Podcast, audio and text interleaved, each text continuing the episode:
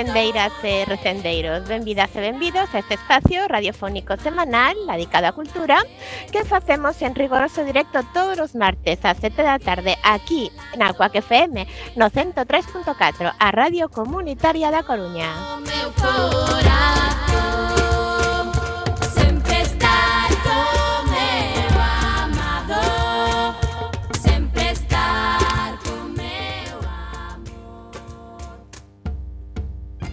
A Agrupación Cultural Alexandre Bóveda presenta este programa que podedes escoitar en directo a través da internet na páxina da emisora cuacfm.org barra directo e tamén, como non, na nosa aplicación móvil.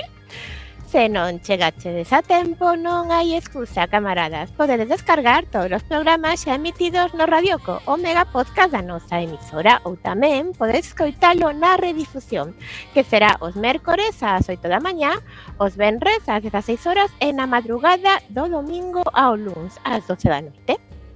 E a partir de agora, seguírenos tamén nas redes sociais, tanto deste programa recendo como a da propia agrupación cultural Alexandre Bóveda, que teñen abertas as súas canles en Instagram, Twitter e Facebook, e tamén na web www.acalexandrebóveda.gal.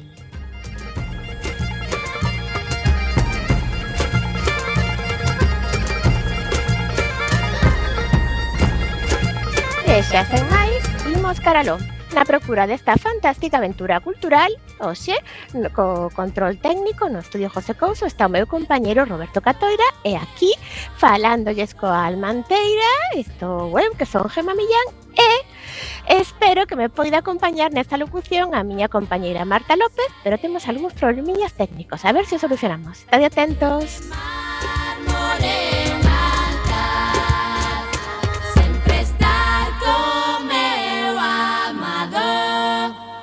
siempre estar conmigo.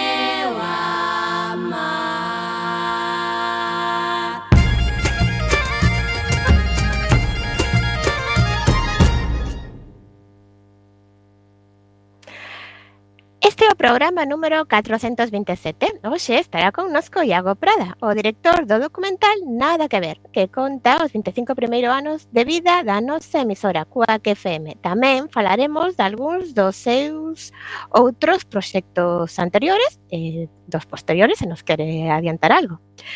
Falaremos tamén das actividades da nosa agrupación e das outras cousas que se fan na Coruña e na Galiza e que tamén son cultura. E na sección de poesía galega, hoxe, recitaremos un poema de Pilar Pallarés, que extraído do seu poemario Tempo Fósil, que, como xa sabedes, acadou o Premio Nacional de Poesía do ano 2019.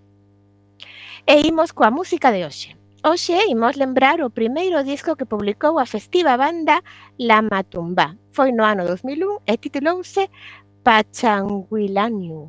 Penso que o dixen ben. Presentamos a primeira peza de hoxe a célebre Licor Café.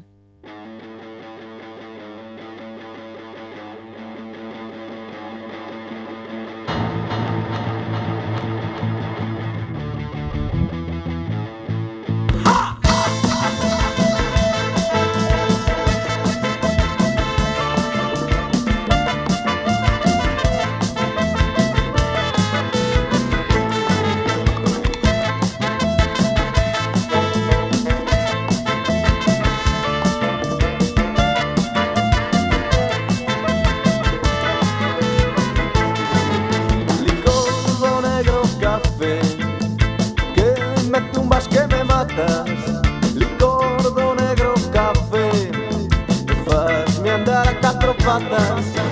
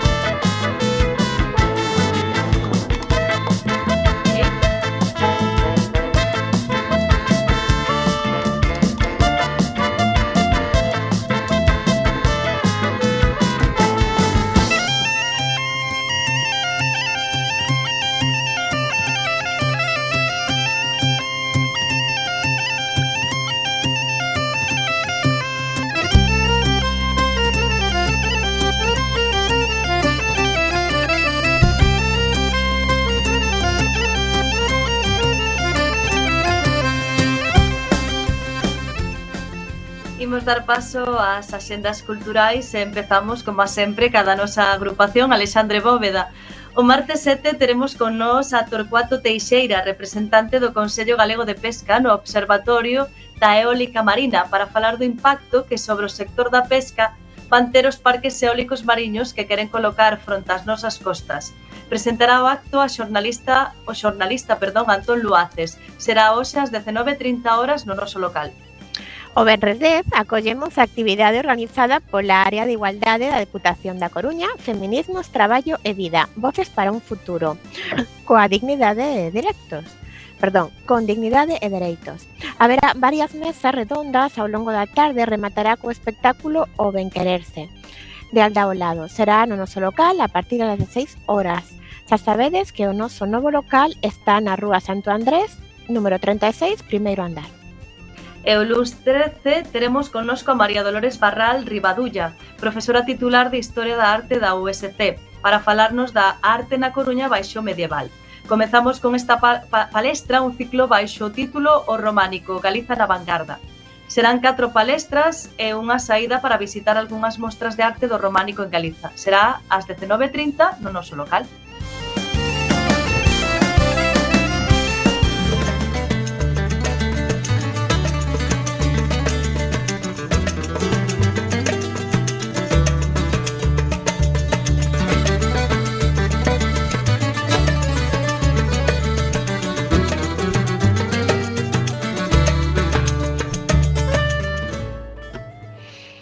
imos alo coa xenda da Coruña, que é a cidade que nos acolle. Principiamos, como sempre, polo audio audiovisual.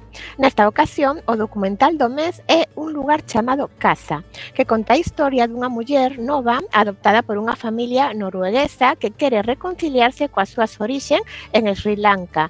Unha viaxe existencial convertida nun clamor anticorrupción. Será hoxe martes 7 ás 20 horas no Centro Ágora.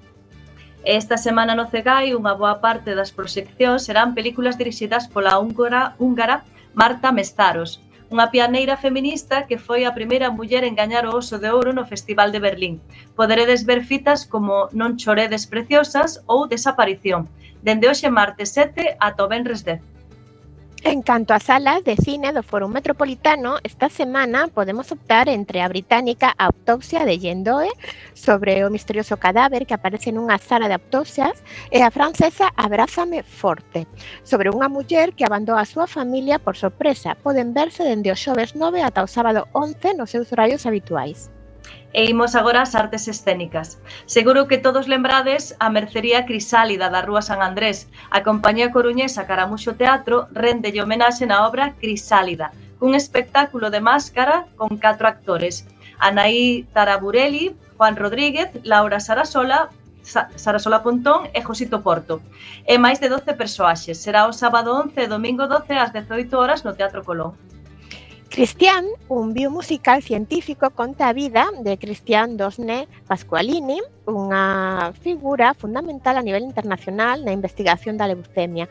A actriz e directora da obra é Belén Pasqualini. Será o mércores 8 ás 20:30 horas no Teatro Rosalía de Castro.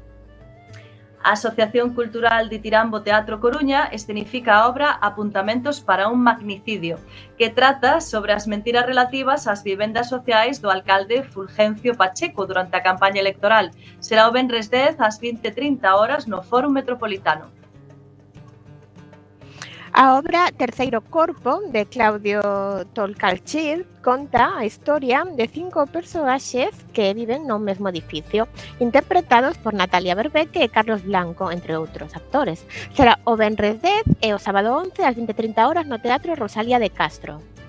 E para os máis pequenos, esta semana temos eh, Se pechas os ollos, de Trémola Teatro, o sábado 11 ás 20 horas no Teatro do Andamio, A cociña, de Telonciño Teatro, o domingo 12 ás 11, 11 o domingo 12 ás 11.30 e ás 13 horas no agora. E a Fada non sabía ser fada de Trémola Teatro o domingo 12 ás 12.30 e ás 18 horas no Teatro do Andamio. E imos coa música. Esta semana visítanos o mítico grupo dos Pixies, a banda máis influente do rock alternativo que condicionou o grunge dos 90. Presentas o seu novo disco, pero sen a presencia da baixista Kindle. Tocan o sábado 11 ás 22 horas no Coliseum e a única cita coa música clásica será o concerto dos ganadores do concurso de solistas do Conservatorio Superior de Música da Coruña. Noreia Hermida Pérez tocará unha peza de Mozart no para piano e Ignacio da Vila Benavides tocará unha peza de Aaron Copland para clarinete. Todo isto coa dirección de José Trigueros. Será o Benres 10 ás 20 horas no Pazo da Ópera. Xa sabedes que as bandas tributo a Queen gustan moito na Argentina e na Italia. De Italia, precisamente, chega Remember Queen. Actúan o sábado 11 ás 20 horas no Pazo da Ópera. E para rematar esta densísima noite de sábado, tamén o sábado 11 ás 22.30 horas toca na Sala Mar de Gras Laura La Montañe Pico Amperio, a última sensación da música galega que mesturan as cantigas medievais coa electrónica. Pois a ver aquí.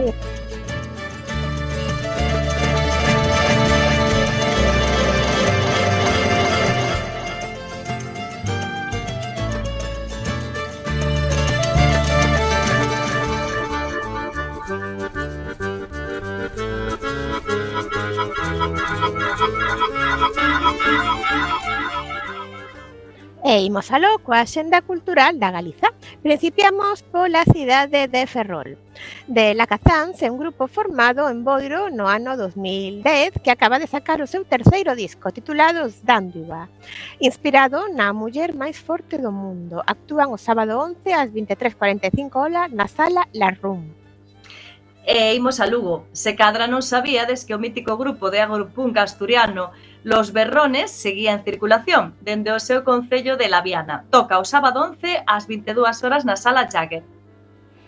E baixamos ata Vigo. Como xa temos contado en máis ocasións, despois de moitos anos en Barbeito, Mofa e Befa trae un novo espectáculo de título Pirolíticos, coa súa habitual estrutura en sketches. Actúan o Benres 10 ao domingo 12 ás 20 horas na Sala Ártica e en Pontevedra. Este ano celebrase o 23º Salón do Libro Infantil e Xuvenil, que leva o lema Con moita arte. Dende o sábado 11 ata o día 27 no Pazo da Cultura haberá todo tipo de actividades para os amantes da literatura para a xente e para a xente máis nova.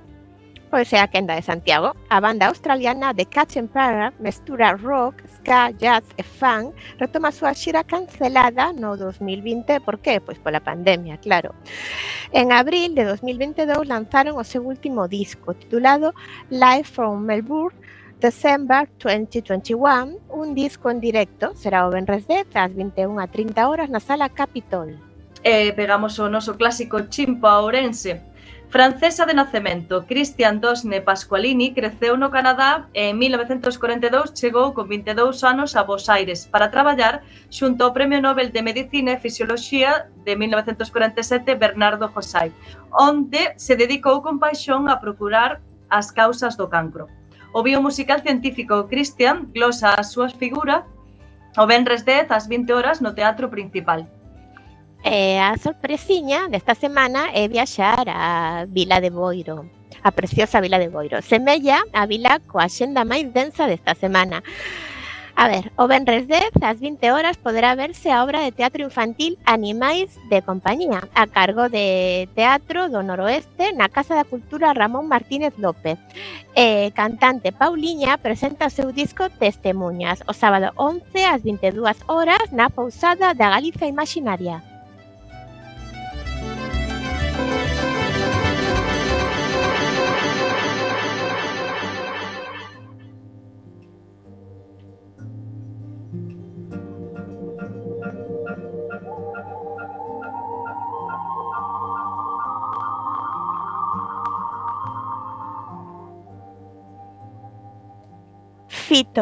Mentres fitan, prendidas nun engado a rúa.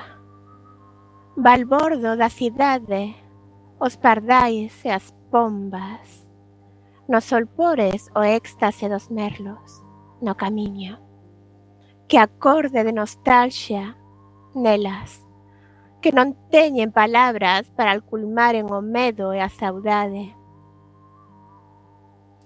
Viron como caía a casa, como gabeaba polos montículos de entullo ausencia, esvaecían todas as voces coñecidas. Pior que o frío e a fame, o desamparo. Como se desaprende? Como se esquecen o tacto e a chamada?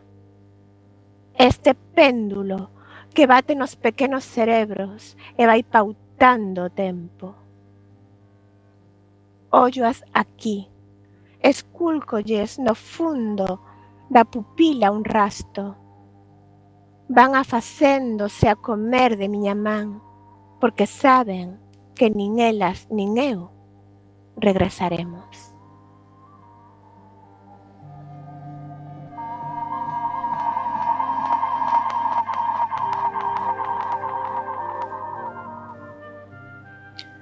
Acabades de escoitar o poema titulado Tres gatas da poeta coruñesa Pilar Pallarés, extraído do seu poemario bilingüe Tempo Fósil, co que acadou o Premio Nacional de Poesía no ano 2019. Este poemario recolle poemas adicados á desaparición da súa ben querida casa familiar que os seus pais construíron coas súas propias mans e que foi derruída por mor da ampliación do aeroporto de Alvedro.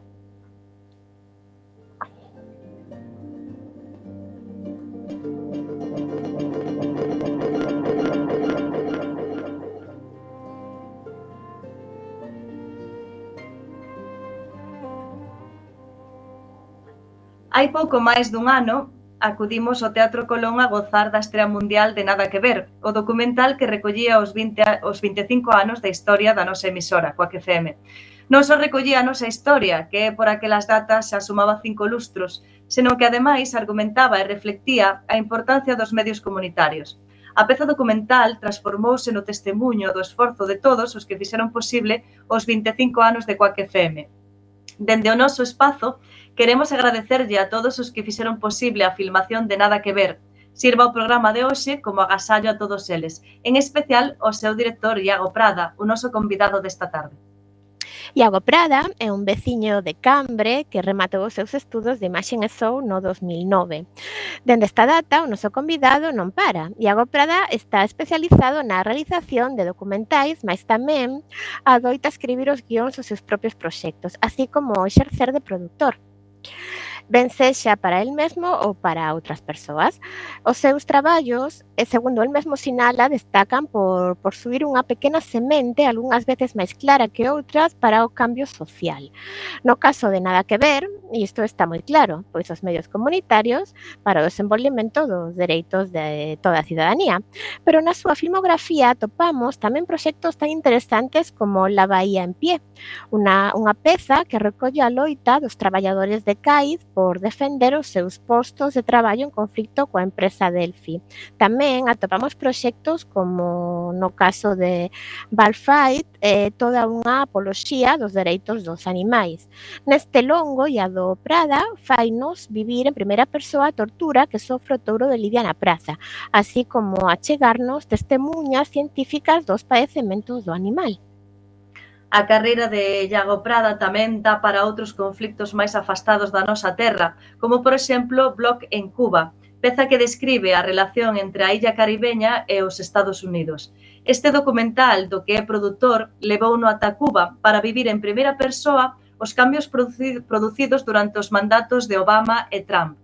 Porén, atopamos proxectos que nos tocan máis de preto como a vida ártabra, o traballo que Prada considera máis persoal pois narra os estragos que había Ártabre a súa concesionaria ocasionan no, no humidal da Gándara, un espacio natural no que medrou o realizador. Sen máis dilación, damos a benvida ao realizador, produtor e guionista Iago Prada. Moi boas tardes, Iago. Hola Marta, que tal? Hola Gema. Hola pues encantados de que estés aquí. Bueno, siempre un placer, estás... siempre un placer volver a Cuac, de verdad que sí.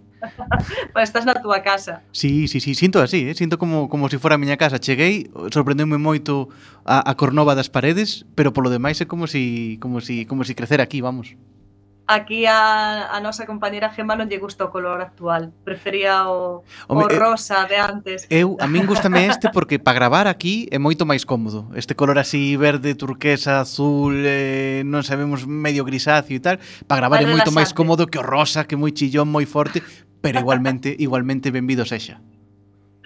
Moi ben, pois imos dar eh, pas, vamos empezar ca, ca nosa entrevista. Eh, a primeira pregunta case que é obrigada, non? Como, pro, como xorde o proxecto de Nada que ver? pois, eh, pois mira, é unha moi boa pregunta. A pregunta é por que despois de 25 anos de radio en directo, con un montón de eh, imaxes de arquivo, con un montón de fotografías, incluso de vídeos grabados, por que non había un documental xa feito sobre Quack FM? No? Porque é unha cousa que, que, que é algo tan necesario que, que, que calquer proxecto divulgativo que explique o que é unha radio comunitaria, como é o caso de Quack FM, ten que existir a forza. Entonces que non se fixeran 25 anos é dicir, hostia, eh, isto xa tiña que estar feito de antes, xa tiña que existir de, de, de, de hai moito tempo, non? Estábamos esperando por você, ya. pois, pois chegaxe xusto, eh, no momento ideal para, para o aniversario. Que xa, por certo, mañá, día 8 de marzo, foi o día que empezaron as emisións de Quack. Si lembrades que Sabémoslo, se comentou no... Por eso estás, no, ti, por eso estás ti aquí, pues nesta mira, esta tan acaída. caída. Tan, tan cuadrado, eh? Pois sí, pois uh -huh. sí. Bueno, ti fuches membro de Quack. Sí. Eh, para, sí. para ti, que era o máis importante eh, para reflectir neste documental como membro de, desta de asociación? Pois eh, é unha moi boa pregunta. Para min, eh, a min Quack deume moi bons momentos de compañeirismo, de, de sentirme libre, sentirme cómodo nun espacio e poder contar o que eu quixera, porque tiña a sensación de que, bueno, que estaba aquí, que quedaba aquí, inda que logo me escuitara toda a cidade ou en todos os sitios a través de internet, pero era algo como que moi íntimo, non? E ter esa posibilidade de decir o que eu quixera, o que a mí me apetecera, o que nese momento quixéramos expresar, no momento que fun consciente de que, de que o podía facer en Quack e non en, e non en outros sitios, como, como era o caso de outras, pois o que sei, de outros medios de comunicación ou cando traballo para un cliente específico para outro, dixen, ui, isto que hai que transmitir isto, hai que transmitir que Quack é un garante dos dereitos humanos nese sentido e un garante, e un garante dos dereitos fundamentais que é unha cousa que, que, que hasta que non cheguei aquí e o viví nas miñas propias carnes non o, non o sabía non sabía o importante uh -huh. que era e, e, e, e a labor que desempeñaba Quack E foi doado lidiar con, con todo o material inxente, supoño que, que posee coa que. Non, definitivamente non. O que pasa é que estaba, o que sí que é certo é que estaba bastante ben organizado, eh, a hemeroteca que ten coa que é enorme. Eh, de feito, todavía teño na casa algúns documentos que me, que me deu Tommy e, e, e un montón de cousas máis que lle teño que devolver algún día. Pero claro que as noticias eran tantas, as, as fotografías, hai fotografías que son auténticas xollas.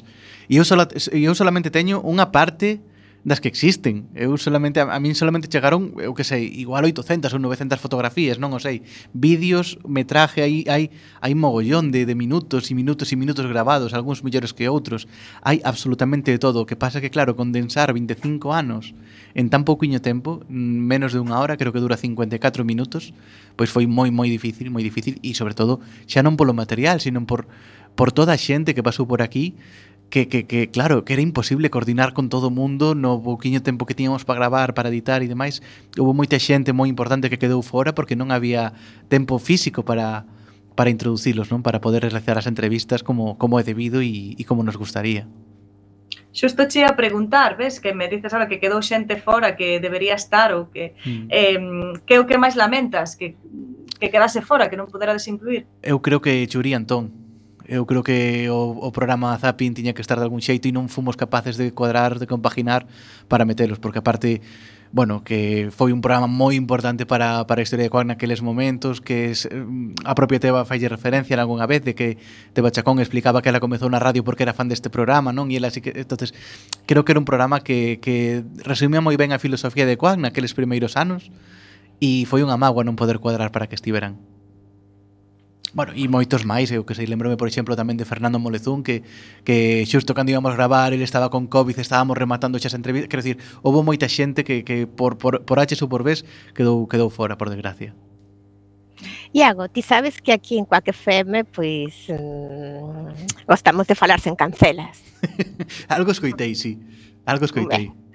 Entón, aquí xa, xa vai así, as preguntas comprometidas en anestesia, con todo o cariño do, do noso querido. Medo me das. Ja, Javier Pereira, eh? eh? Queremos saber se tiveches medo de non cumprir coas expectativas Ui, sí, sí, sí, do, sí, da gran sí, xente sí, de sí, Cuad. Desde o primeiro minuto, foi? desde o primeiro minuto estaba acojonado.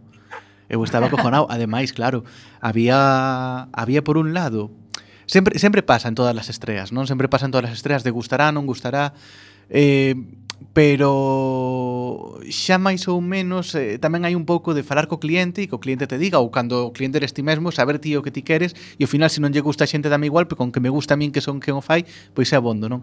Pero neste caso era realmente eh, peligroso. Eu decía, eu pensaba, Dios mío, está o teatro coloncheo de xente, como non lle guste, vou salir de aquí linchado.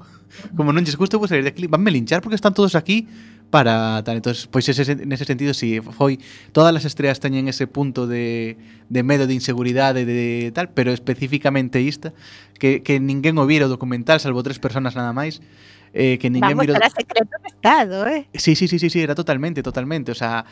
Eh, creo que, non, non me lembro que, que, que cales foron as persoas que sí que viron o documental, pero sé que eran persoas relativamente alleas a Coac, para uh -huh. ter esa visión un poquinho desde fora, non? De saber se si son capaces de contar a historia, eh, si se entende, si tal. Pero claro, cando, cando no momento das trae decir, hostia, pero eh, de repente igual non lles gusta, igual acabo escaldado, sabes? Entonces tiña, tiña ese medo extra. Tiña ese medo extra porque... localizada a salida lateral. Sí, sí, sí, sí, sí, eu, eu senteime, de feito, eu de feito senteime xa no, detrás de todo do lado do, lado do pasillo. Eu senteime, a, a, adoito cando, cando proxecto algunha película eh, non, non adoito a vela. Non adoito, que quero decir, cando lle dou a play, como xa vin 25 millóns de veces, eh, o día da, da proxección eh, adoito estar fora, tomando un café e mirando sempre o reloxo para, bueno, pois para estar a tempo cando chegan os créditos e, e poder estar ali, sobre todo cando me toca falar. Pero o día de Quack estaba estaba na sala, estaba estaba preto da porta por se tiña que escapar correndo, pero estaba na sala. Bueno, que saibas que eu estaba recibindo, porque non pude ir porque tamén estaba enferma nesas, nesas datas, pero estaba recibindo feedback do noso querido subpreside, eh, bueno, vicepresidente de Quack FM, estaba todo moi ben. Bueno, alegrome, alegrome, alegrome. Porque a día Y de hoxe todavía tengo, te, teño medo todavía que a que, a que alguén me diga mmm, mira, un, mira unha cosita, Iago, que aquí unha cosa que non é verdade. Mira unha cosita, Iago. E de todo o feedback que recibeches, tanto de, de, de socios, bueno, primeiro vamos a empezar, de, de, das opinións da, da, das, da xente asociada de CUAC, cal foi a que máis che sorprendeu? O comentario que dixeras, ah, pois mira, desto non, non reparara. Non me lembro que mo dixo, non me lembro que mo dixo, pero sí que, e non foi unha persona solo, sí que foi un comentario bastante repetido de xente que se que decía eu quero facer isto. Eu quero facer isto. Non sabía que quería facelo, pero agora que o vexo sí que quero facelo. Isto foi unha sensación bastante estendida e que a min me reconfortou moito, porque decía, bueno, eh, xa non é solamente que coñezas este proxecto, que coñezas esta historia que eu estou contando, sino que ademais te queiras involucrar. Entonces, uh -huh. ese eh, eh, cando cando a xente me comentaba o, ese tipo o de cousas. entonces, ¿no? Perdón? O afán de mimetismo. Sí, sí, exactamente, exactamente. Cando a xente, cando a xente me comentaba isto, eu dicía, bueno, pois pues, mm, estou facendo que a xente se involucre, estou facendo que, que a xente participe, participe en, en algo que, que, que o que dicíamos en un momento, ah. que é garantir un dereito humano. Entonces, eh, com, que a xente comprende dando desexo na, na, sí, no, no, sí, sí, a min, a min eso, a min eso cando a xente me di algo así eh, a min quente se me peito porque digo, jolín, estamos facendo algo útil estamos facendo, e xa te digo, non é unha cousa trivial unha cousa como garantir o, o dereito a comunicar e a recibir información veraz que non é que hoxe, que hoxe en día é un dereito que está un no poquinho claro. Sí, sí. Sí, pero eso por parte, entendo que foi por parte de, da xente allea a Cuac. Claro, sí. non sabía un pouco que isto existía, unha vez que o soubo dixo, olala. Oh, vale, pero o, fi, o sí, bueno, a, a palabra de feedback, a retroalimentación uh -huh. que, que che deron pola, polos propios asociados de Cuac, cal foi o comentario que máis che, che sorprendeu de, de nos mesmos? Pois nese caso eu lembrome xente, pois eh, por, lembrome mai me matar, pero Robert sempre me comenta, sempre me comenta que, que el cada vez que ve documental se emociona e chora. Porque lle parece moi bonito. Entonces digo, bueno, pois si si si si si si, alguén, si alguén si é capaz de, de, de ver esta peza e sentir ese ese nudo na, na gorxa, pois mira, E lembrome específicamente eso de Robert, que dice, a mí non me gustaba nada verme, pero yo veía la historia y me emocionaba muchísimo. Y bueno, pues mira, Robert, penso que é Robert Ro- Robert- Pansede, non é o Claro, no, no, no, no, no, no, no, no, no, no, no, efectivamente. Vamos a No, no, matizar. a catoira. Exactamente, Para facer chorar a catoira hai que, hai que... exactamente, exactamente. Falo de Robert Ansede, efectivamente. E como levaches isto da autorreferencia? O sea, falar dun, mm, claro, dun proxecto no que ti mesmo formas parte. Pois eh, o que pasa é que este proxecto tan grande que o xeito do que eu formaba parte de Quack ou do xeito do que formo parte de Quack é moi distinto do que pode formar calquera outra persoa.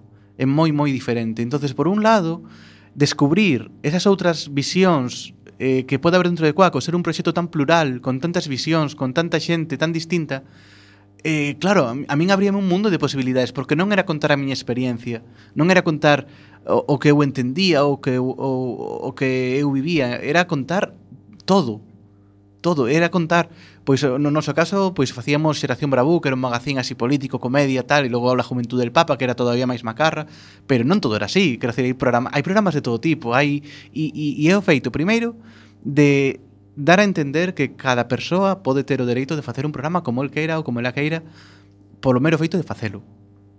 E segundo, dar a entender tamén contar a historia de, de, do nacemento desta asociación, do nacemento desta radio, do crecemento, do desenvolvemento que cumpriu, de como naciu sendo unha cousa e, e, e convertiuse noutra moi distinta, ou relativamente distinta, vamos. É, é, eh, contar toda esta historia, primeiro coñecela, aprender, investigar, eh, buscar información e logo traducilo para contalo, para min foi foi un proceso pois moi bonito, verdad?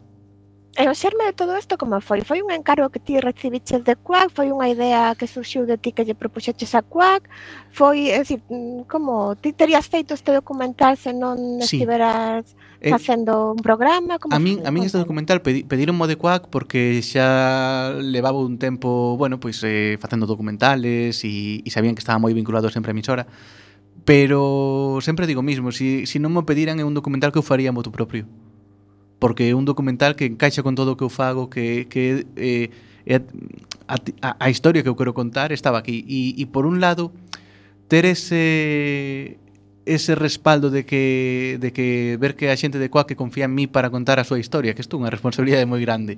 E segundo, ao mesmo tempo, darme a liberdade para facelo como eu queira, Claro, foi un, un gustazo, eh, un arma de doble fío, non? Porque tamén te exige eh, pois un nivel de autoexigencia moi alto, non? Tes un nivel de autoexigencia moi alto, pero pero tes tamén unha liberdade moi bonita que é moi difícil ter en calquer outro tipo de, de, de, de, traballo. Como era un grande poder. Un gran poder con conleva unha, gran, gran responsabilidade. Sí, sí, sí, sí. ¿no? Exactamente, como como se si fora Peter Parker. Eh, Iago, ainda que tes algún proxecto de ficción, a túa filmografía está composta prácticamente por documentais, non? Sí. Que te aporta o documental que non atopas na ficción? Pois mira, eh, a ficción e o documental eu penso que son cousas que non se poden comparar porque son moi diferentes. A ficción apórtame unha serie de cousas, pois, por exemplo, unha liberdade creativa, narrativa moi, moi, moi amplia, porque na ficción todo está permitido, porque é ficción. No documental teste que ceñir a realidade. Eh, sin embargo, precisamente eso que me gusta do documental, que non é algo que estou creando eu, sino que é algo que estou descubrindo cando escribo un texto de ficción e, e, e o fago moito, sobre todo, fíjate que en ficción practico moito a comedia, gustame moito a comedia, que non ten nada que ver co que fago, pero pero en ficción gustame moito a comedia, non? E e cando fago ficción é algo que estou creando que evidentemente bebo de fontes externas, non? De vou buscando, vou coñecendo pois eh, historias máis ou menos dramáticas, busco como facelas divertidas, non? Pero é algo que estou creando eu como eu quero, se eu quero que este personaje lle pase isto, pásalle e punto. Eh, no documental non, no documental eso non o podes facer, pero document, pero precisamente por eso mismo, como non o podes facer, eres es ti que non ten que buscar. Tens que buscar unha historia que, que, que vaya como a ti te gusta ou como ou, ou que encaixe co que ti queres contar e iso é unha cousa moi bonita. Descubres, escoitas moitísimos testemunhos, escoitas eh, xente falando das súas vivencias. Eh, claro, para que te fagas unha idea, no caso de Quack, que dura 54 minutos a peza, non te quero mentir, pero igual temos 27, 28 horas de entrevistas feitas. Entonces, imagínate, eh, aparte a min gustame moito iso. Hai hai realizadores que non, que chegan, poñen a cámara e fan catro preguntas porque saben que queren esas catro frases concretas. Eu inda que o saiba, a min gustame botar unha hora con esa persoa falando porque digo, bueno, que, sí, claro que sí que quero que me digas que me fales deste tema e deste tema e deste tema, pero contame máis. Contame máis, vamos a disfrutar. Xa que xa que perdimos unha hora e pico en montar as luces, vamos a estar unha hora falando polo menos. E, e vasme contar e hasta que estés cómodo e, e, que, e que me contes o que realmente te apeteza contarme. Cando eu acordo cunha persoa facerlle unha entrevista eh, hai, sempre hai unha parte de bueno, pois fago por compromiso, fago por isto, fago por... pero unha vez que, nos est que estamos sentados eh, esa persoa ten ganas de falar pois que fale. E iso é super enriquecedor uh -huh. Eh, sempre quixeches dedicarte ao documental? Ou houve un momento no que o decidiches? de que mm, isto era o teu? Mm, sempre que dedicarme ao audiovisual. Eu lembrome de moi pequeniño sabendo que me quería dedicar ao audiovisual. O que me chamaba cando era neno era a tele. Era traballar en televisión en platós, porque vía os making of e tal, e me parecía que eso era boa la leche. Cando xa empecé a estudiar e entrei na escola e empezamos precisamente a traballar o, o xenero documental, dixen, ui, gústame máis o cine que televisión, eso é certo. Pero lembrome o momento de facer documental, lembrome cando foi, eu vivín en Australia no 2014, E cando cheguei, fun co meu compañeiro facer ese documental que, que comentabas antes, La Bahía en Pie, fomos a Cádiz e, e coñecimos esta historia. E, e ese momento desa estrea que foi o primir, o prim, a primeira lungametraxe que, que dirixín, perdón, que, que esa, esa producina eu, non a dirixín, eh, esa produ, producina eu, cando chegamos á estrea e vimos que con moi poquiños recursos se podía facer un documental, unha peza que podía dar unha información e que transformaba como transformaba a sociedade ali, porque houve un que supuxo, bueno, logo volo conto, dixen, eu quero seguir facendo isto, este é o meu camiño, isto é o que eu quero facer. Eh, lembrome de ter esa revelación no momento de decir, non quero facer outra cousa que non sexa isto, quero que o que faga, o que eu faga en audiovisual que sirva para, para que aporte algo boa xente, que aporte algo bo ao meu entorno, sexa en Cádiz, sexa na Coruña, sexa donde sexa, pero que aporte algo Uh -huh. E cales foron os documentais que a ti máis te marcaron? Uf, é unha moi boa pregunta. Eh, lembrome, así bote pronto agora mismo, lembrome de, de iba a decir Elephant de Gus Van Sant, no, Bowling for my Columbine de Michael Moore. Lembrome que foi un documental super, super heavy. Por, marcoume moito o, a bofetada na cara do principio dese documental, Cando chega Michael Moore a un banco e dice, hola, quero abrirme unha cuenta, que tipo de cuenta desea? Esa con la que te dan un arma. Entonces, claro, a mí esta forma de, de, de narrar, esta forma de contar historias, dixen, ui, que está pasando aquí? Eu iba todavía falo do ano 2000, eso que foi 2004, 2006, non o sei, iba todavía tiña 17 anos, era moi moi noviño eu. E decía, ai, un documental, que rollo, pero cando vin isto dixen, ui, que se poden facer documentales de algo máis que de bichos e que de animales e tal, e que pode ser entretido, non? Ese foi o momento, eu creo que un, do, un dos documentales que, que máis que máis me marcou, sí. Pois pues mira, é, é curioso que fagas isto porque, bueno, preparando esta entrevista, non, lendo o guión de todos os traballos e tal, tal pensei para mí, anda, mira, o Michael Moore galego. Vamos a ver a, a trayectoria do, do Iago este. Claro, non o dixen, pois pensei no para min, pero é xusto que ti, bueno, estes a, a citar agora como unha das túas fontes de inspiración, pois, bueno, é claro que se, que se reflicte, no, por lo menos na tua na conciencia social dos teus dos sí. teus traballos. Sí, hai, hai, hai moitos realizadores e realizadoras que fan cousas espectaculares e, e con unha narrativa moi bonita, moi bonita, moi bonita. Eu pensei agora neste Michael Moore por eso, porque eh, lembrome que foi das cousas que máis forte me impactou en menos tempo, porque foi en apenas eh, un minuto de, de, de, de, de no, no primeiro minuto da película, dixen, ostras, Aquí hay algo. A ver, aquí... que tengo un dominio do ritmo realmente Sí, exactamente, exactamente, exactamente, exactamente, te, é exactamente iso. Non é solamente o meterse en tal berenjenal ou en tal outro, é a forma de narrar que ten. É unha, unha das cousas que, que falo cando dou clase e demais é que calquera historia, incluso nun documental, eh, pois eh, atopamos esa narrativa xa en paradigmas de que veñen da antigua Grecia. Entonces, eh, en canto a influencia non ten por que ser se si ti queres facer documentales as túas influencias non teñen por que ser documentalistas poden ser cómics, poden ser pintura, pode ser un montón de cousas non? pero no, neste caso, eh, se si me preguntas por documentales que me impactaron eh, pois penso nese, o primeiro que se me ven a cabeza é ese Eh, xa un pouco indo polo miúdo que o teu, o teu traballo, a hora de afrontar un novo proxecto, que é o primeiro que faz? O sea, a túa orden de traballo como, como é? Pois mira, eh, eu o primeiro que fago sempre é coñecer a historia. Quero coñecer a historia que vou contar. Eso primeirísimo. Eh, saber eh, que, cal é a loita que teñen eses persoaxes ou ese persoaxe, eh, como se vai ir desenrolando, como vai, sobre todo, sobre todo, sobre todo como vai rematar. Eh, si, eh, si nesa loita ese, esa persoaxe gañou ou perdeu eh, ver un poquinho eso, non? Ver hasta, ata onde quero chegar. E a partir de aí, digo, bueno, pois para contar esta historia, interésame entrevistar a este, a esta, a este tal, vexo que me gustaría entrevistar ou que me gustaría que me narrara, que me gustaría que me contara esa historia, como podo contala, que imaxes podo contar, que tipo de, bueno, que tipo de documental quero, se si quero un documental de entrevistas ou se si quero outra cousa, non, pero ver un poquinho o que quero contar e como quero contar e a partir de aí a parte de produción que é moi divertida a pesar de que, de que non aparezca a parte de produción é moi divertida ese eh, chamar a xente, ir ali e coñecelos, tomarte un café buscar este que te podo contar isto mellor que este outro. E, esa é unha parte moi moi moi entre, moi moi entretida, verdad? Eh, deducimos, porque temos aquí unha pregunta se preferías un, un guión pechado ou un guión máis aberto sobre a mancha Deducimos que eres máis dos segundos, non? Non, non te creas, eh, non te creas Unha cousa intermedia, unha cousa intermedia No caso, por exemplo, de Quack Lembrome, eh, eh, Quack foi un, un documental que disfrutei moitísimo de Nada que ver entre outras cosas porque porque fixino con, con Lara Capeans que é unha técnico, bueno, maravillosa e con que me sinto comodísimo traballando con ela porque temos unha complici unha complicidade moi moi alta, non? E lembrome un día facendo a entrevista de de Yoshi que estábamos, eu sabía onde quería rematar, sabía que quería rematar nas nas reflexións de cada un explicando o que o que foi para eles e para elas coa FM, pero bueno, esa era a idea xeral Logo, claro, cando yo si me dixo que me dixo no final do documental de que la radio es para todos e para todas e que Coac nos enseña que la radio cualquier niño con ou sin recursos pode digo, quedamos Lara, quedamos de pedra na entrevista. Lara Maiseu nos miramos e eu notei isto é es el final es, el documental termina así son cousas que xurden na, xurden na rodaxe eh, que tes que te, bueno, eh, estar aberto a eses cambios non? Porque evidentemente ti non sabes que frase te vai dicir outra persoa sabes claro. que pode tirar por aquí ou por alá, sobre todo se a coñeces, se tiveches a, impre, fixeches... a impresibilidade do ser humano, ¿no? Exactamente, exactamente. Se fixeches un bo traballo previo, eh, si, si fas un bo traballo previo e coñeces os entrevistados, si tomas cafés con eles, cañas e tal, non sempre se pode, pero é o ideal, pois, bueno, pois sí que podes decir, bueno, pois este sei que vai tirar por aquí, aquel outro vai tirar por alá, entonces máis ou menos podes...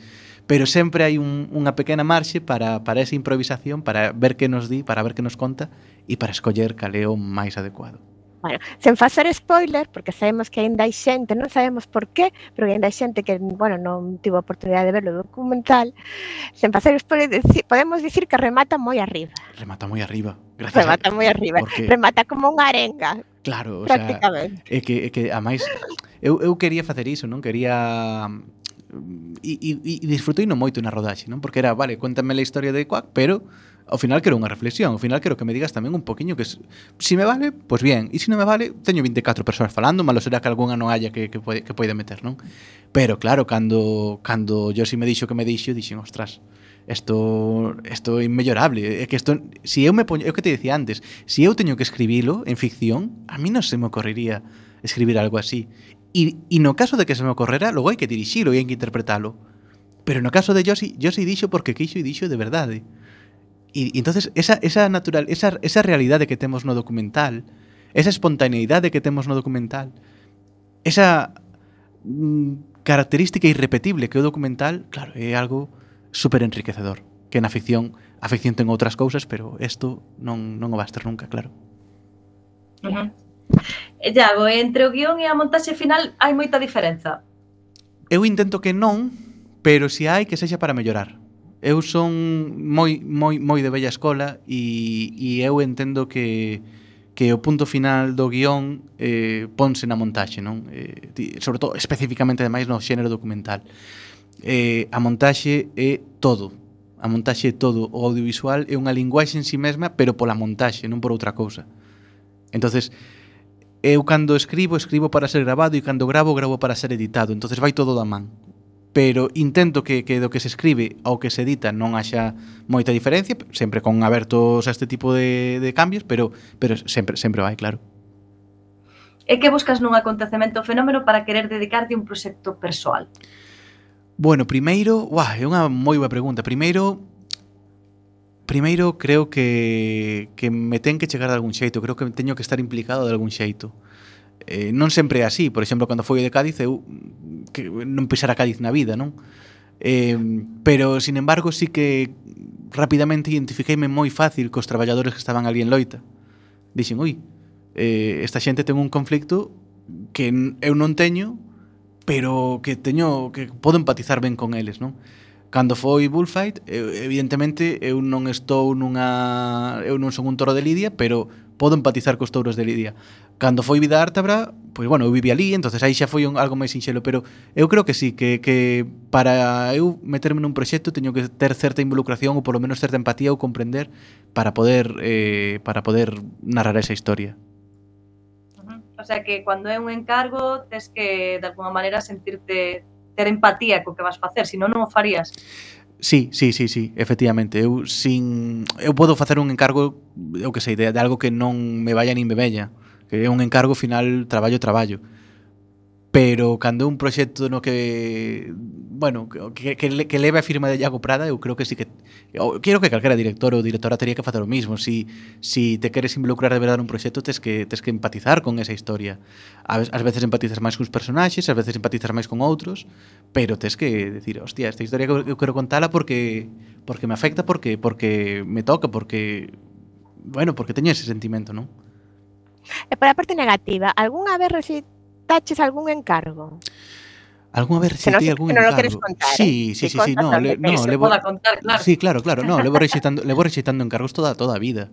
Eh, a, a inmensa maior parte eh, por falta de tempo, por falta de, de, de de tal, eh, outras veces porque despois de falar co cliente decidirlle, bueno, pois mira, está moi guai isto que me contas, pero non son a persoa adecuada para isto, fala con este outro compañeiro ou compañeira que, que eles o van facer mellor que a min. Pero, pero sí, teño rexeitado moito. O primeiro proxecto que rexeitei eu debía ter 19, 20 anos, non me lembro, era moi noviño, e era, claro, a primeira vez que me... Dos, dos primeiros traballos que iba con moito medo e, e para min supuxo un, un drama, non? Porque por que vou recitar un traballo, pero dios mío, se si logo non me volven a llamar, e era para facer, bueno, era para propaganda dun dun club de noite. E, e, e falo e cando digo club de noite digo no peor sentido da, da palabra non? Entón eu non quería facer iso era totalmente contrario o que o que eu quería facer pero claro tiña ese medo de rapaz novo que empeza dicindo ui e se si logo non me sale nada máis e estou empezando e llevo dicindo por aí que non como se si fora unha estrellita e tiven que pasar por ese trago moi tal hasta que hasta que moi pronto entendín que bueno, non pasa nada por decir que non trabajo ben sexa por principios neste caso, ben sexa por eso, por, porque temos eh, unha xenda moi completa, por, polo, que, polo que fora. A ver, no, no, no minuto 50 chega a pregunta. A ver. Onde crees que reside o poder do documental para favorecer o cambio social? Uf, Oh, oh, jolín, está difícil esta entrevista, eh. Está sendo, está sendo moi bonita, moi bonita porque é moi dura e, e, e faime Jaime, convidado. Faime, jolín, moitas gracias. Faime reflexionar moito. Onde reside o poder do documental para, para facer esa transformación social? Eu creo eh, antes falábamos de que cando eu conto unha historia teño que empatizar co, cos, cos, perso, co, cos personaxes desa historia eu creo que o documental te permite empatizar máis facilmente cos personaxes que unha ficción Porque unha ficción ti xa vas ver pensando que que, que mentira, que pode ser basada en feitos reais, pero sabes que é mentira. Pero un documental sabes que é real e cando sabes que é real e eres capaz de empatizar cos coa xente que saíle ali falando e contando a súa historia, é moi é máis fácil que ao rematar a película a xente teña ganas de, pois, o que decía de Quack de involucrarse deste xeito ou, ou de facer isto, de facer isto outro, non? De, é, é máis fácil que a xente participe. Evidentemente, ao final estamos falando se si nos vamos ao mito da caverna de Platón e cambiar unhas sombras por outras, pero pero o documental te pode facer que, a, que o espectador faga clic e decida salir da, da decida salir da caverna, non? Eso, eso creo que é o poder que ten o documental. E segundo ti, o documental eh, é máis un xénero xornalístico ou é máis un xénero cinematográfico? Mm, é un xénero cinematográfico. Ou que, debería, ou que debería ser, no, sabes, no, no plano desiderativo, que pensas ti que debería ser un bo documental? Bueno, eu non creo, non considero documental como un xénero xornalístico, porque un xénero porque penso que o xornalismo non é contar o que lle apetece ao periodista, o xornalismo ten que contar os acontecementos como son. O, periodi o, o, o documental tamén, pero permite permítete contar a historia que ti queres. Uh -huh. Non isto non quere dicir que adulteres, non quere dicir que a modifiques, quere dicir que simplemente escolles ti como a queres contar. E dirixes a, mira, a, a ollada. Exactamente, exactamente. Mentres que no, no, no xornalismo, esa liberdade non debería existir. Sabemos que non é así, pero eu son, son moi escrupuloso co xornalismo, o xornalismo eh, digamos que non, eu penso que non debería ter esa liberdade do periodista para decir, bueno, pues lo voy a contar así porque prefiero emitir isto outro, prefiero centrarme naquello. Non debería. O sea, non crees moito ti no xornalismo do autor que se chama. No, no, no. que parece gustanme os, os artigos de opinión e, e sigo diferentes eh, xornalistas, escritores e demais, pero insisto como opinión, non como feitos. Uh -huh. E imos falar un pouco de vida ártabra, se che parece, ah, Iago. Claro, claro. Por que decidiches que tiñas que facer este documental? Mira, eu traballaba en Ponteceso, eh, nunha produtora dali, e un día cheguei a casa e vi unha periodista de La Voz e díxome, eh, perdona, tú eres vecino de aquí? Digo, lle, sí. E que opinas de lo que dijo Feijó de que se va a hacer aquí la vida la vía Ártabra? E eu dicía, aquí, aquí que non hai, aquí, que, que, vai enlazar aquí a vía, quero decir, que sentido ten que aquí non hai nada, non haberá outro sitio. E dixen, pois mira, a verdad que non o sei porque non, non, non te podo dicir que opino porque non teño unha opinión, non, non teño constancia de... Entón comecei a falar con asociacións de veciños, con tal, empecé a enterarme e vin o despropósito que, que iso era, non? O despropósito de, de destruir un área húmida como a da Gándara Eu non o sabía, pero ali habitaban catro especies en peligro de extinción, outras 18 ameazadas. Eh, Eu coñecía es, es, ese sitio, pois bueno, pois porque de ir en bici, de cativo, de, de sacar o can, de tal, pero non sabía que había tremenda flora, tremenda fauna por ali e que de repente se iba a desaparecer para por unha autopista de peaje. Dixen, bueno, isto non pode ser, isto non pode ser, isto, isto como é posible?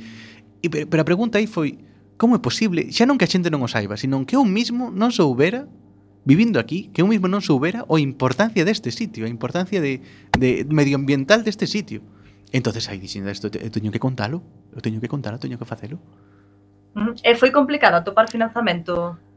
Eh, non foi complicado en absoluto porque non o saquei. Eso foi unha cousa que xunteime con, con, con Fran e con Jesús, un par de compañeiros da produtora Retina, mm. e facémolo, facémolo, veña eh, pois con, con cámaras, micros de aquí, de arriba para baixo, para pa aquí para allá, gastámonos algo de cartos cando viaxei a Francia a gravar ali un par de secuencias eh, nunha zona que se chamaba a zona defender, dun caso similar que houve en Nantes por un aeroporto uh -huh. e, e ese foi todo, ese foi tivemos un presuposto de, de, de que 300, 400 euros igual. Uh Foi unha cousa, foi unha cousa así, non? Entonces, bueno, eh, o, o problema de Vidartabra non foi ese, o problema de, de Vidartabra foron todas as presións que recibimos despois por parte Eso da Xunta. Eso che iba a preguntar agora, sí, non? Sí, Ai, sí, sí. pero que nos queda un, un minutiño. Nos queda un minutiño, pero nos podes decir un pouquiño, ah. son 54, temos hasta temos un par de minutos témolos, bueno, ¿no? Augusto.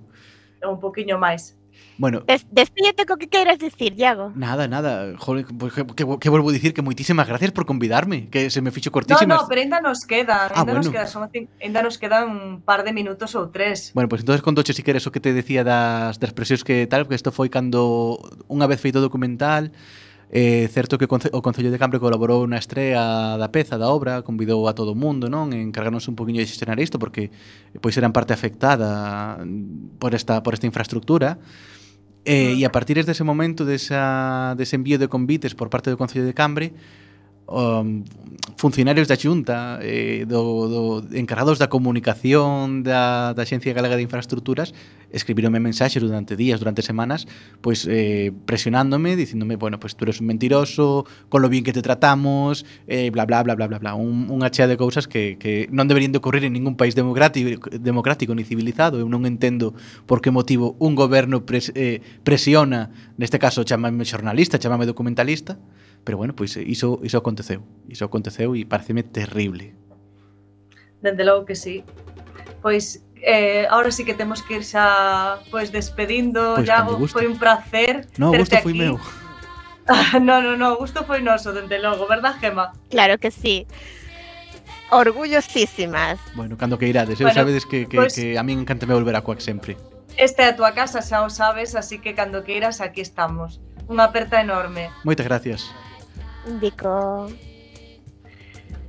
E sen tempo para máis odiseas imos chegando ao fin do camiño deste recendo. Despedimos o programa de hoxe agradecendo ao noso convidado, que dende logo foi de honra. Hoxe tivemos a Iago Prada, director de Nada que ver. E agradecendo a semente a pendacular de todo o noso comando de equipa de produción formado por Javier Pereira, Gemma Millán, eu mesma e Roberto Catoira. E aquí estivemos Roberto Cateiro nos controis e coalento no micrófono Gema Millán e Marta López.